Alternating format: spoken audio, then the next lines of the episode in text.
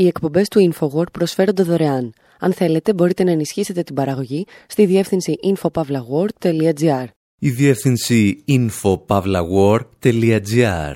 Η εκπομπή InfoWord με τον Άρη Χατζηστεφάνου.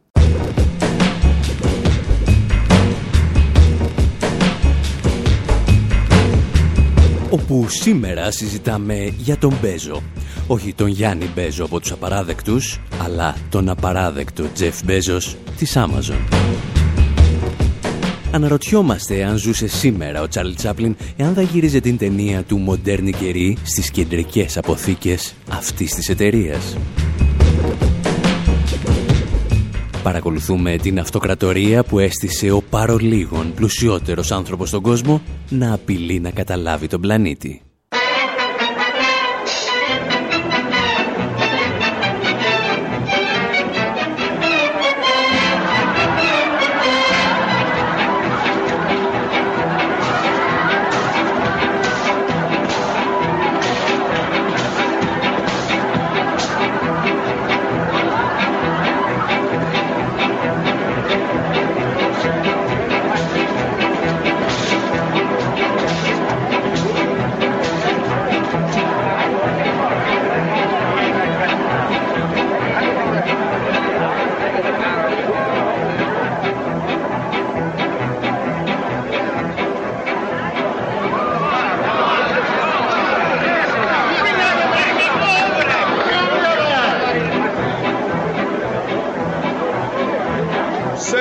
la dulce dore, je notre soccofore, je notre citavore, je la tula tila toi.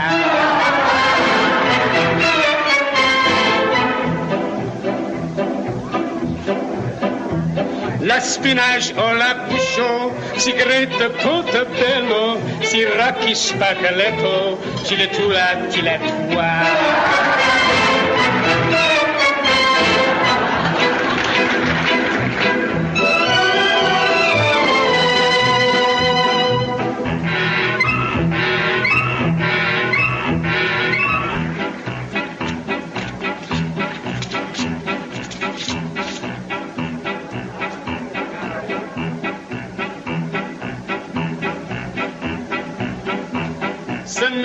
Pilassina, voulez-vous la taximite Le zionta sous la cita. Tula tula tula wa. Ο Τσάρλι Τσάπλιν από την ταινία «Μοντέρνη καιρή» στην πρώτη σκηνή της καριέρας του, όπου ακούμε τη φωνή του στον κινηματογράφο. Και αυτό που λέει δεν έχει κανένα απολύτως νόημα. Απλώς χρησιμοποιεί ανύπαρκτες λέξεις που θυμίζουν γαλλικά και ιταλικά σε μια γλώσσα που χαρακτηρίζεται ως γκίμπερις. Αυτό που στα ελληνικά λέμε αλαμπουρνέζικα.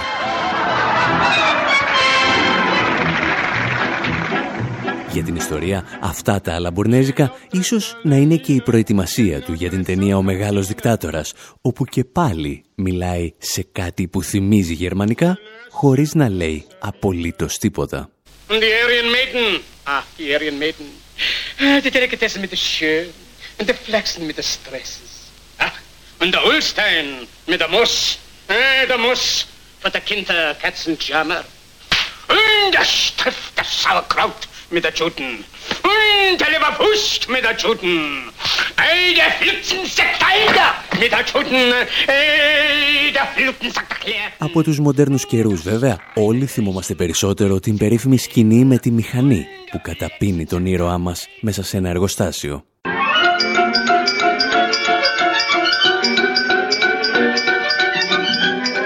Δουλεύοντας σε μια εργοστασιακή γραμμή παραγωγής, ο Σαρλό πραγματοποιεί μια μηχανική κίνηση τόσες φορές, ώστε δεν μπορεί να σταματήσει.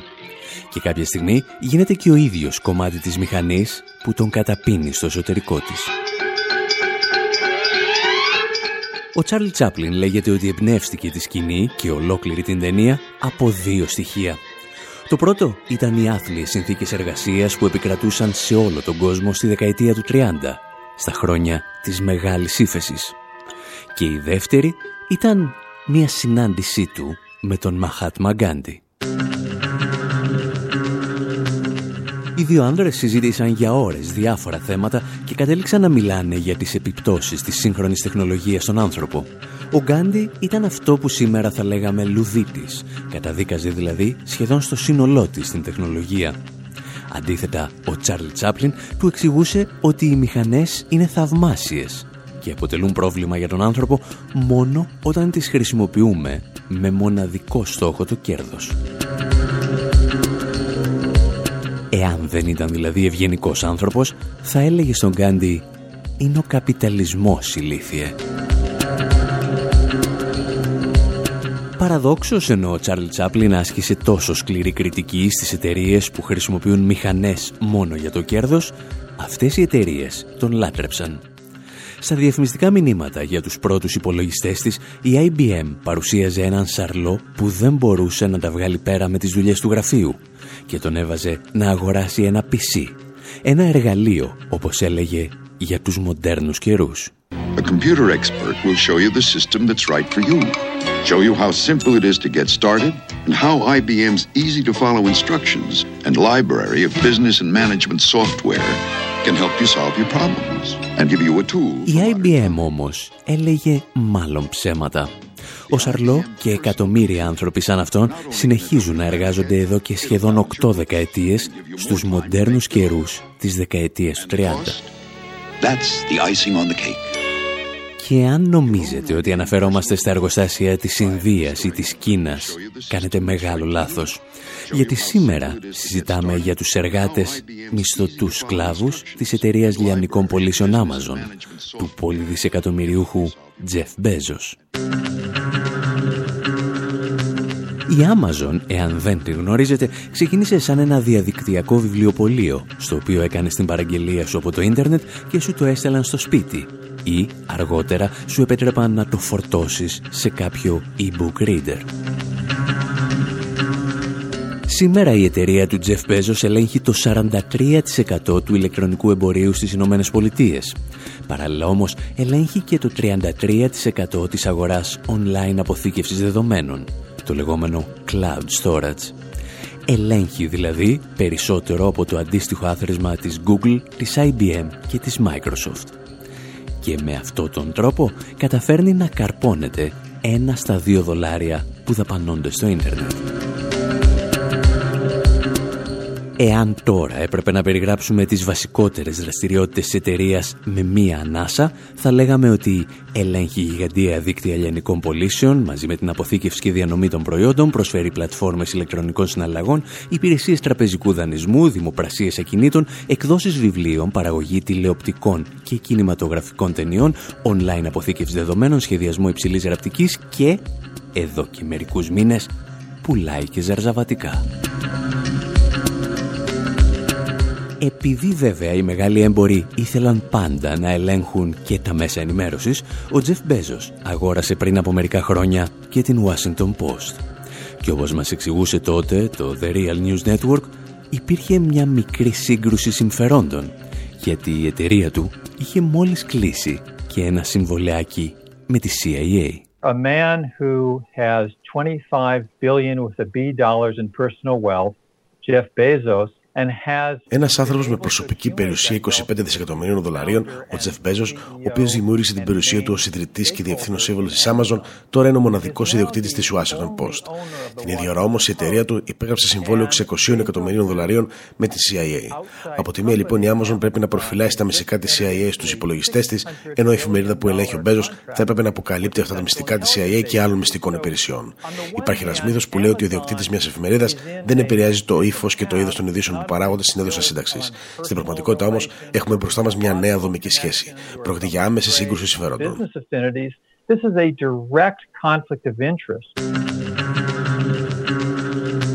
Το πρόβλημα είναι ότι αν αρχίζεις να συνεργάζεσαι με τη CIA, πολύ σύντομα θα πέσεις και στα σκληρά ναρκωτικά του εμπορίου όπλων.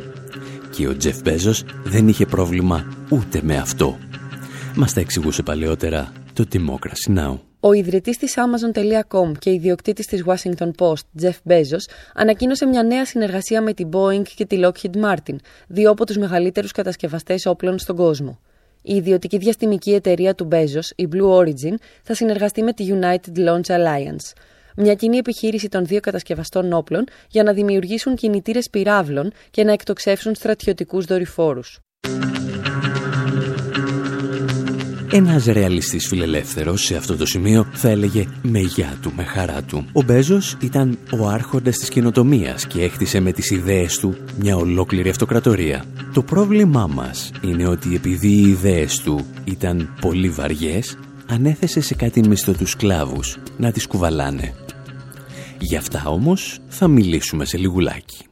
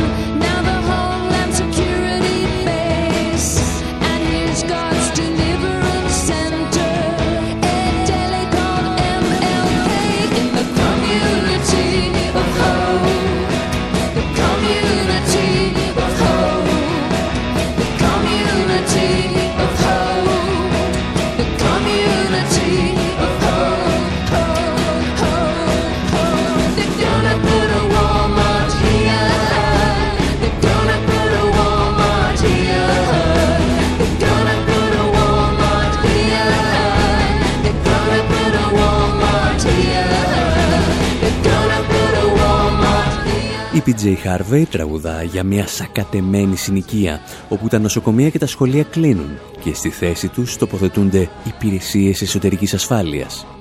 Και κάπου λέει σε μια γωνιά αυτής της συνοικίας θα ανοίξουν και ένα καινούριο Walmart. Και αυτό το Walmart μας ενδιαφέρει ιδιαίτερα σήμερα. Τα Walmart αποτελούν την μεγαλύτερη αλυσίδα σούπερ μάρκετ στις Ηνωμένες Πολιτείες και μία από τις μεγαλύτερες αλυσίδες λιανικού εμπορίου σε ολόκληρο τον πλανήτη. Σήμερα αποτελούν τον μεγαλύτερο ανταγωνιστή της Amazon, αλλά και οι δύο εταιρείες είναι η μία το αντεστραμμένο είδωλο της άλλης. Μεγάλο μέρος της επιτυχίας της Amazon λέγεται ότι οφείλεται στα μαθήματα που έλαβε ο Jeff Bezos διαβάζοντας τα απομνημονεύματα του Sam Walton, ιδρυτή της Walmart.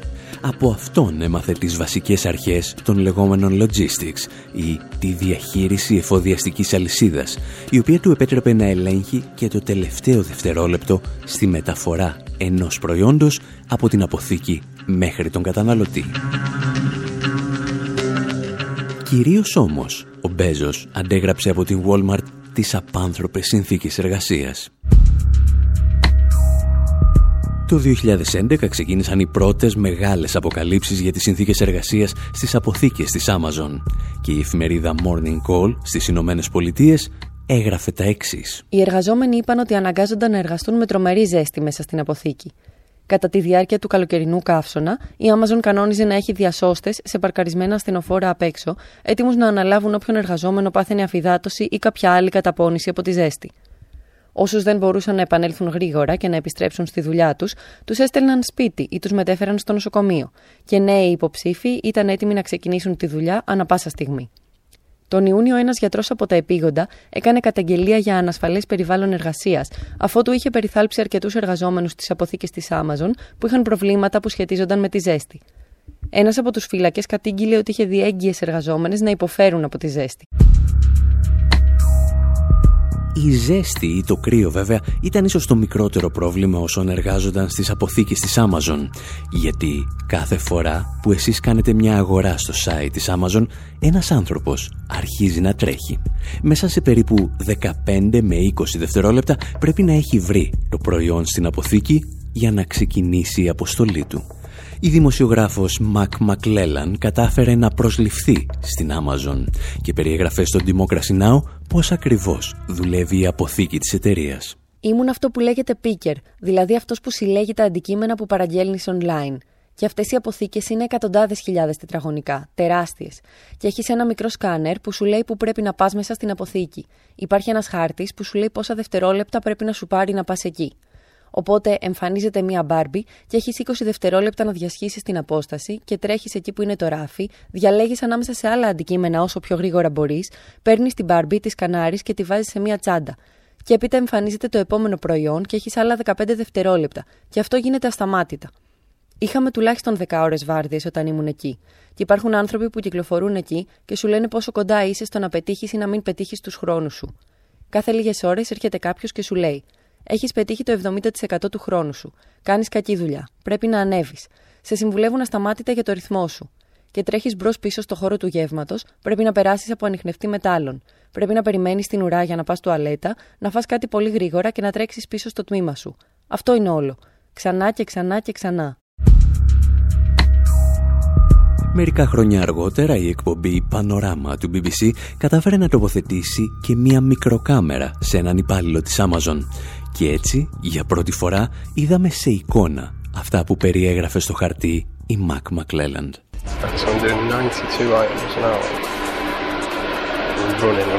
Σύμφωνα με το σκάνερ, συγκεντρώνω 92 προϊόντα την ώρα. Θεωρητικά μπορείς να τα καταφέρεις αν τρέχεις. Αλλά ποιος μπορεί να τρέχει ασταμάτητα για 10 ώρες; Τώρα το σκάνερ μου λέει να γυρίσω πίσω και μου δίνει 15 δευτερόλεπτα. Δεν έχω ξανακάνει τέτοια δουλειά στη ζωή μου. Η πίεση είναι απίστευτη.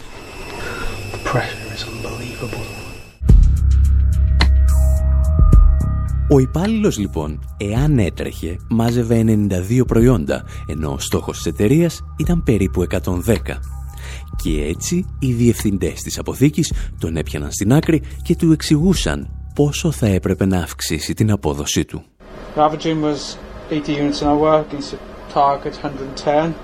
Κατά μέσο όρο παρέδιδες 80 προϊόντα την ώρα, ενώ στόχος ήταν τα 110. Είσαι λοιπόν στο 72% του στόχου που σου βάλαμε. Με δεδομένο ότι εργάζεσαι εδώ και 7 εβδομάδες, θα περίμενα να τα καταφέρεις λίγο καλύτερα, ακόμα και αν δεν φτάνεις στο 100%.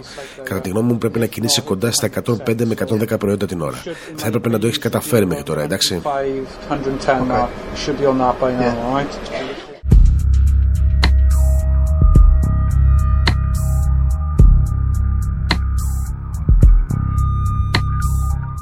Σχεδόν 80 χρόνια μετά την πρώτη προβολή της ταινίας «Μοντέρνη καιρή», οι υπάλληλοι στις Μητροπόλεις του καπιταλισμού εργάζονται με τους ίδιους ακριβώς ρυθμούς με τους οποίους εργαζόταν ο Σαρλό στο εργοστάσιο. Μήπως τελικά ο Γκάντι είχε δίκιο για το ρόλο της τεχνολογίας και ο Τσάρλ Τσάπλιν είχε μαύρα μεσάνυχτα; Η απάντηση είναι ένα καθαρό όχι. Γιατί το μοντέλο διανομής προϊόντων που ανέπτυξε η Amazon με ειδικό λογισμικό θα μπορούσε να είναι ένα δώρο για την ανθρωπότητα και για τους εργαζόμενους. Όπως έγραφε η πρωτοβουλία International Amazon Workers Voice, με το πάτημα ενός κουμπιού οι εργαζόμενοι θα μπορούσαν να κατευθύνουν τη διανομή φαρμάκων, ιατρικού εξοπλισμού, οικοδομικών υλικών και πόσιμου νερού σε κάθε γωνιά του πλανήτη. Χιλιάδες σχολεία, βιβλιοθήκες, μουσεία, νοσοκομεία και θέατρα θα μπορούσαν να χτιστούν σε ελάχιστο χρόνο όπου υπάρχουν ελλείψεις. Οι γεωγραφικοί περιορισμοί δεν θα καθορίζουν πλέον την επάρκεια των πόρων μιας περιοχής ούτε το πολιτιστικό επίπεδο των κατοίκων της. Η Amazon είναι ένα δώρο για τον πλανήτη, μόνο που και σε αυτή την περίπτωση λειτουργεί σε λάθος σύστημα παραγωγής. Αυτά όμως μπορούμε νομίζω να τα συζητήσουμε και σε μία άλλη εκπομπή. Εσείς μένετε εδώ, γιατί ύστερα από το μικρό μας διάλειμμα αλλάζουμε εντελώς θέμα. Και να θυμάστε πάντα ότι ιστορίες σαν και αυτές μπορείτε να βρίσκετε στη σελίδα μας info.pavlawar.gr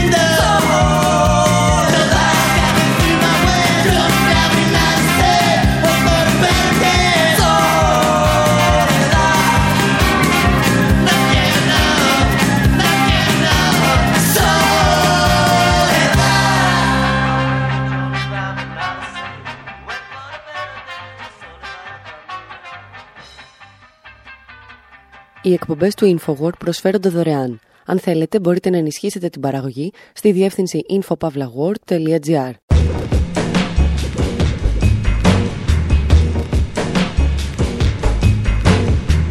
όπου σήμερα αποφασίσαμε διασήμαντον αφορμή να σας διηγηθούμε ιστορίες για τον Sherlock Holmes. Αναρωτιόμαστε εάν ένας τρελαμένος αποκρυφιστής μπορεί να δημιουργήσει τον πλέον ηλιστή detective της ιστορίας και σκεφτόμαστε τι γνώμη θα έχει γι' αυτό ο μάγος Χουντίνι. Στέλνουμε τον Dr. House να πολεμήσει στον πόλεμο των Μπόερ και εμείς διηγούμαστε ιστορίες από την επιστημονική επανάσταση της Βικτοριανής Αγγλίας.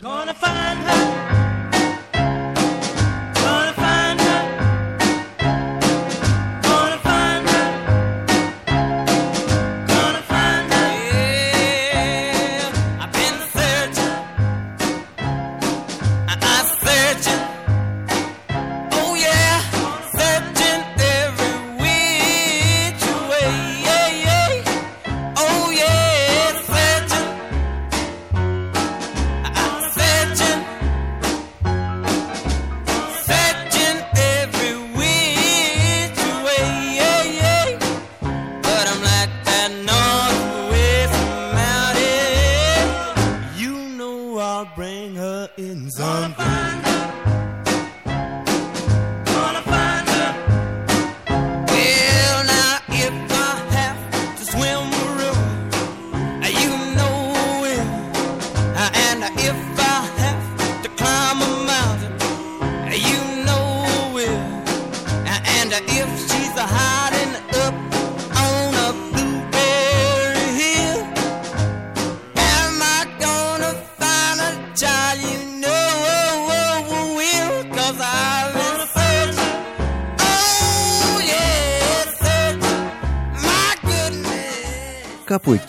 1957, οι Coasters αποφασίζουν να μετατραπούν σε Sherlock Holmes, σε μια σημαντική έρευνα που πραγματοποιούν. Αναζητούν, λέει, την αγάπη τους.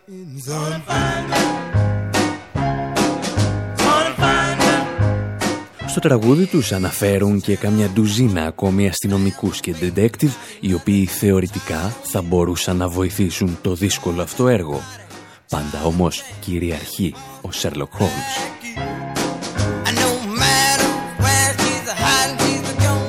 Γιατί ο ήρωας του Σερ Άρθουρ Κόναν Ντόιλ θα γεννηθεί το 1887 και έκτοτε δεν θα ξεχαστεί ποτέ.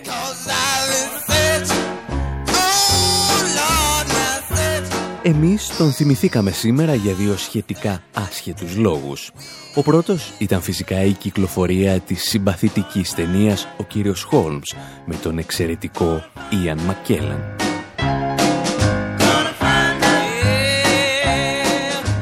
Ο δεύτερος λόγος είναι ότι ο Σέρλοκ Χόλμς, αν και νεκρός εδώ και καιρό, επιχειρεί ακόμη και σήμερα να λύσει μία υπόθεση που αφορά το σπίτι του, στον αριθμό 221β της Baker Street.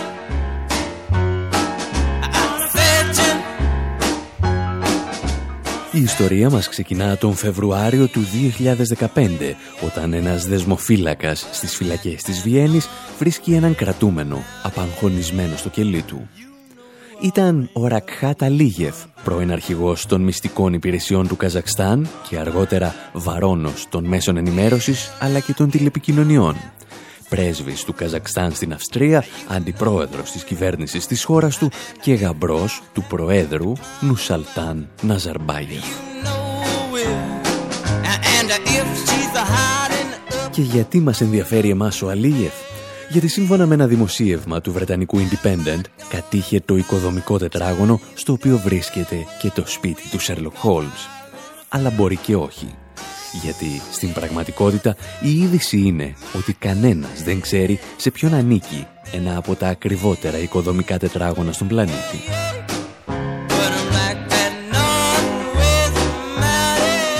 Ο μόνος που πλήρωσε τελικά αυτή την ιστορία, εκτός βέβαια από τον Αλίγεφ που βρέθηκε κρεμασμένος από ένα σκηνή, ήταν ο πρωθυπουργός της Μεγάλης Βρετανίας, David Cameron.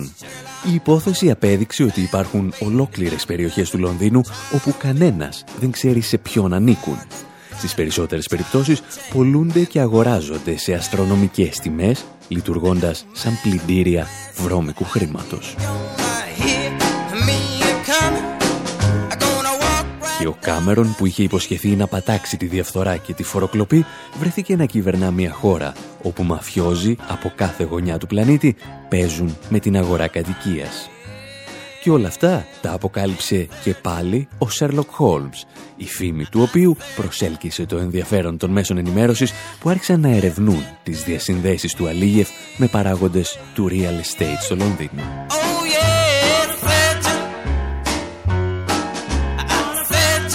Τελευταία αυτή υπόθεση του Sherlock Holmes διαλευκάνθηκε καθώς το κυρίαρχο οικονομικό σύστημα διανύει μία από τις πιο παρασιτικές φάσεις της ιστορίας του. Ένα μαφιόζικο σύστημα που αντικαθιστά την παραγωγή με τη σπέκουλα. Στα πρώτα χρόνια της επαγγελματικής του πορείας όμως τα πράγματα ήταν διαφορετικά. Και γι' αυτόν τον Sherlock Holmes του 19ου αιώνα θα μιλήσουμε σε λιγάκι.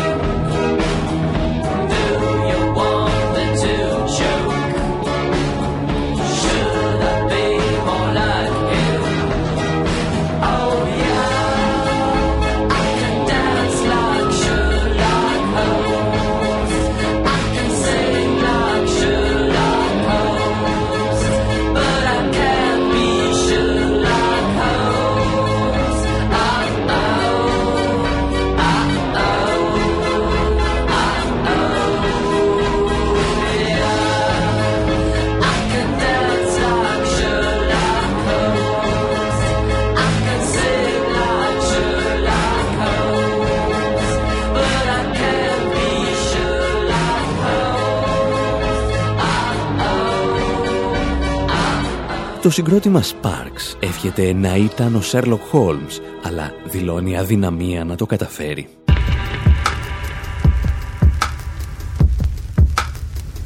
Η αλήθεια είναι ότι ο Sherlock Holmes γεννήθηκε και εκπροσώπησε μια άλλη εποχή.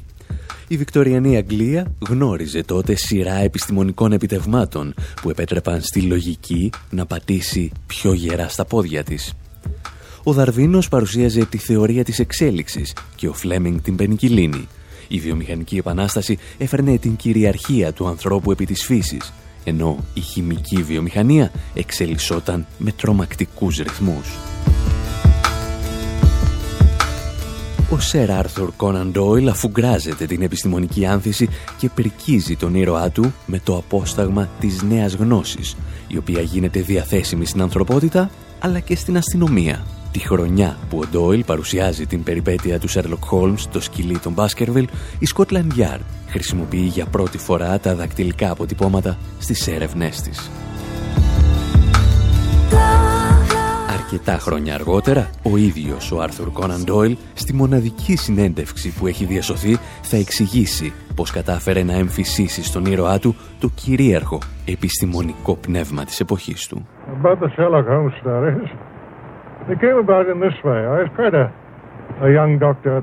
Οι ιστορίες του Σέρλοκ Χόλμ προέκυψαν ως εξής. Ήμουν κι εγώ ένας νεαρός γιατρός με επιστημονική κατάρτιση. Διάβαζα συχνά ιστορίες με detective και πάντα εκνευριζόμουν από το γεγονός ότι έλυναν τις υποθέσεις είτε από καθαρή τύχη είτε χωρίς να εξηγούν πώς τα κατάφεραν. Θέλησα λοιπόν να φέρω την επιστήμη στο χώρο της αστυνομικής έρευνας.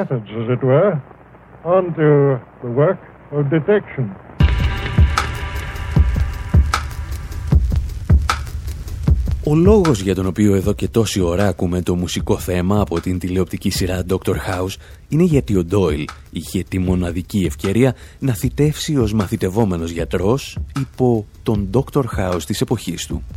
Τα εξηγούσε όμως και πάλι ο ίδιος. And I used, as a student, uh, to have a old professor, his name was Bell, Ω φοιτητής, είχα έναν ηλικιωμένο καθηγητή που ονομαζόταν Μπέλ.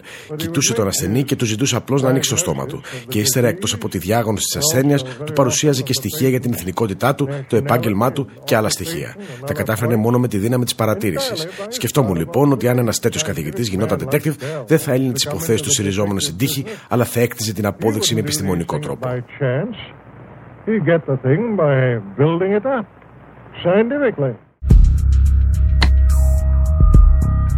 Μήπως λοιπόν όλες αυτές οι ιστορίες περί επανάστασης των επιστημών κάνουν τον Σέρλοκ Χόλμς κομιστή της προόδου και σε κοινωνικό επίπεδο; Η απάντηση είναι κάθε άλλο. Ο Σέρλοκ Χόλμς αντικατοπτρίζει τα νέα μεσαία και ανώτερα στρώματα της καπιταλιστικής Αγγλίας που ζούσαν υπό τη συνεχή απειλή ότι οι μάζες των φτωχών που εργάζονταν υπό απάνθρωπες συνθήκες σε εργοστάσια ίσως μια μέρα να ξυπνήσουν και να τους πνίξουν. Ο απόμακρος και σνόμπ Σέρλοκ Χόλμς συγκινεί αυτά τα στρώματα γιατί δείχνει τη διαχωριστική γραμμή ανάμεσα στις κοινωνικές τάξεις για την ιστορία, ο Άρθουρ Κόναν Ντόιλ είναι από τους πρώτους συγγραφείς αστυνομικών μυθιστορημάτων που δημιουργεί το μύθο του επικίνδυνου Μπάτλερ, το υπηρετικό προσωπικό που απειλεί την ευημερία και την ασφάλεια των αφεντικών του. Λίγα χρόνια αργότερα μάλιστα από αυτές τις περιγραφές του Ντόιλ θα δημιουργηθεί και η περίφημη βρετανική φράση «The Butler did it», ο υπηρέτης το έκανε. Τη στιγμή που ο Ντίκενς έπαιρνε το μέρος του προλεταριάτου και περιέγραφε τις άθλιες συνθήκες εργασίας της βιομηχανικής επανάστασης, ο Σερ Άρθουρ Κόναν Ντόιλ τασόταν αναφανδόν με τα αφεντικά. Για να καταλάβουμε όμως καλύτερα τι καθήκη ήταν ο Ντόιλ, θα μας επιτρέψετε να σας ταξιδέψουμε μερικούς αιώνες πίσω.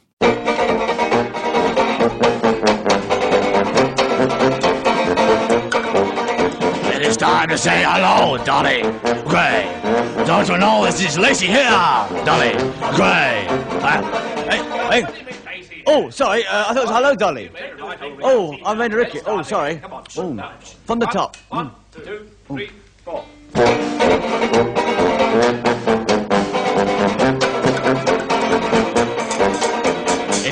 To say goodbye, Dolly Gray. There's no need to ask me why, Dolly Gray. There's a murmur in the air. During this record, Professor Bruce Lacey will be doing such capital things as sword swallowing, fire eating, and juggling. Unfortunately for you, dear listener, all these accomplishments are silent. Feet in a uniform so neat. So it's goodbye until we meet, Dolly Gray. Goodbye, Dolly, I must leave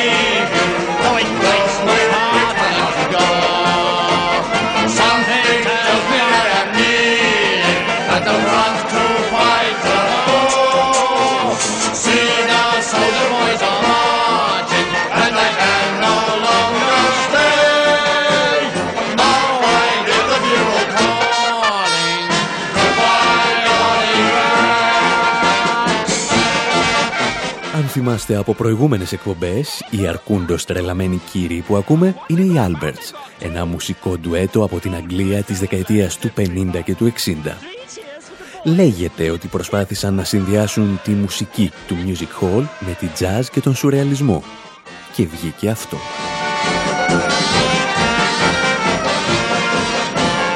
Ένεκα μάλιστα που τα δύο μέλη του συγκροτήματος ήταν αδέλφια και ονομάζονταν Gray, σκέφτηκαν να διασκευάσουν και το γνωστό Goodbye Dolly Gray, που να σας θυμίσουμε ότι στην πραγματικότητα ακουγόταν κάπως έτσι.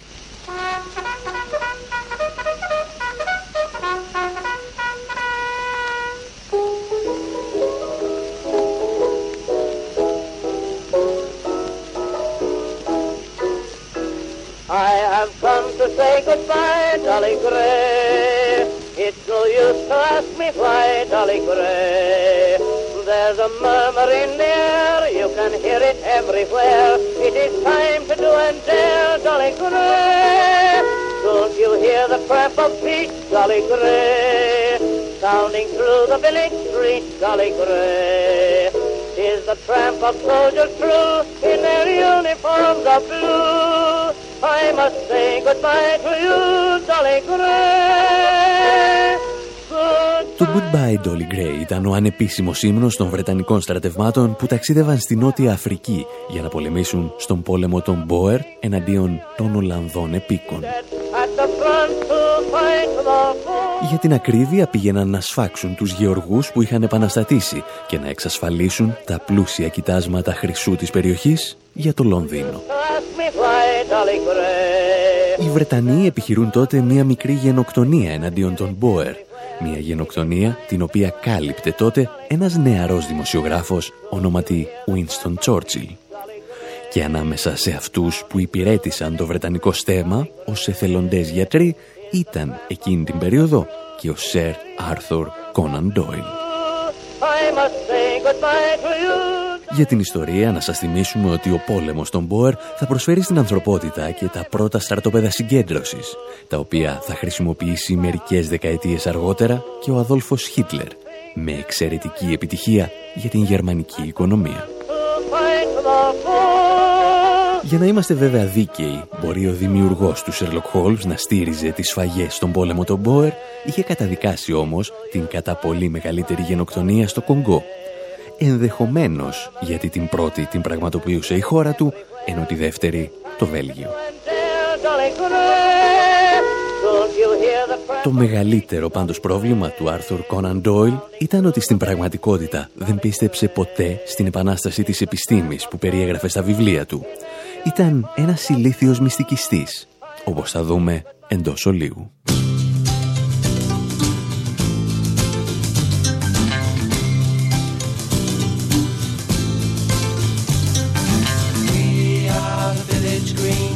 Preservation Society.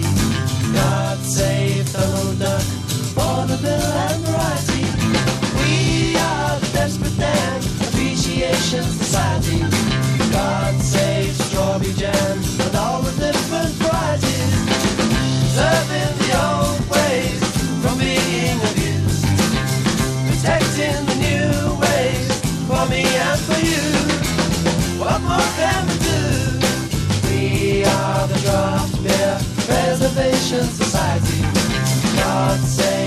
save Mrs. Moss and good old Mother Riley.